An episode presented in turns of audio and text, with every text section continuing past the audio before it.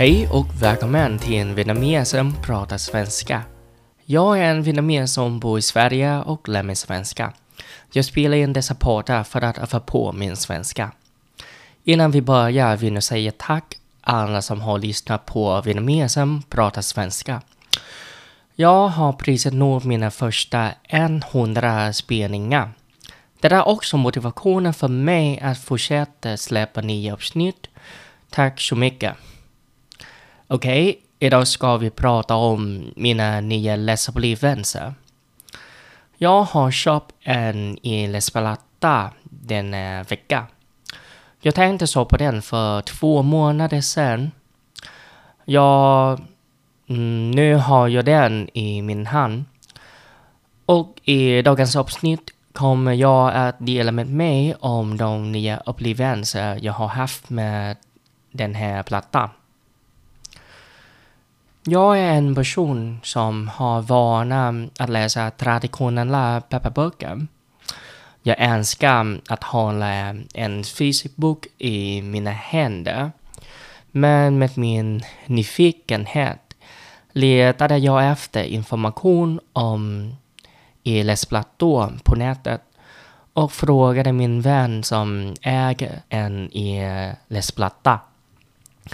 Sen köpte jag en och började utforska den digitala bokvärlden. Nu har jag haft några nya läsupplevelser som jag aldrig haft med en papperbok. Framför allt detta kostnaden. Jag betalade 800 kronor för en e-läsplatta. Det var priset jag fick på den senaste rean. Och jag kan köpa e-böcker för 40% av priset på papperböcker. Det finns till och med många böcker jag kan ladda ner gratis. På det sättet kan jag spara mycket pengar på att köpa böcker i framtiden. Den andra saken som jag vill dela med mig är bekvämligheten. Med en ELS-platta kan jag bära med mig hundratals böcker i en enda enhet. Vilket är idealiskt för resor. Jag har en hobby att ta med mig böcker när jag reser. Jag gillar att läsa dem på tåget, när jag flyger. Varje gång jag packar mina eh, resväskor. Jag har svårt att välja vilken bok jag ska ta med mig. Men med denna platta har, har jag inga problem att bestämma mig för om jag ska ta med mig denna bok eller den andra boken. Eftersom jag har hundratals böcker på samma enhet en annan sak när det gäller att köpa böcker på både fysiska och online-butiker. I fysiska butikerna är det inte säkert att jag kan hitta de böckerna jag vill ha medan det tar lång tid att få hem dem om jag beställer från nätet. Därmed blir elsplätta då en perfekt lösning. Alltså, jag väljer den boken jag vill och har den i min platta direkt efter betalning. Det tar väldigt kort tid.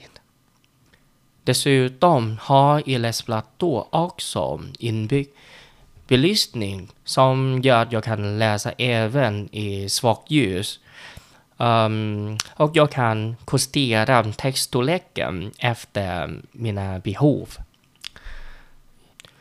Jag använder ofta min telefon innan jag lägger mig. Tittar på korta video eller läser nyheter som jag inte har läst på morgonen. Tyvärr är det är en dålig vana och jag försöker att bli med den i mitt liv. Men det tar tid att göra den. Jag har försökt använda denna platta istället för telefonen eftersom Ingenting får mig att somna bättre än att läsa en bok. Och ljuset från plattan gör det mer bekvämt för mig när jag läser på kvällen. Förutom de positiva upplevelserna Finna en sak som jag tycker papperböcker gör bättre än i läsplattor. Och det är känslan av att hålla en fysisk bok i mina händer. Bläddra igenom sidorna och känna doften av papperet. Papperböcker ger en mer nostalgisk upplevelse som kan vara svår att liksom replikera med i böcker. Det är mina personliga upplevelser under min första vecka med den här läsplattan. Kanske får jag andra nya upplevelser om några veckor. Det var allt för dagens avsnitt. Jag hoppas att du har haft nytta av att lyssna på eh, denna poddkanal. Tack så mycket för att du lyssnar och vi hörs igen i nästa avsnitt. Hejdå!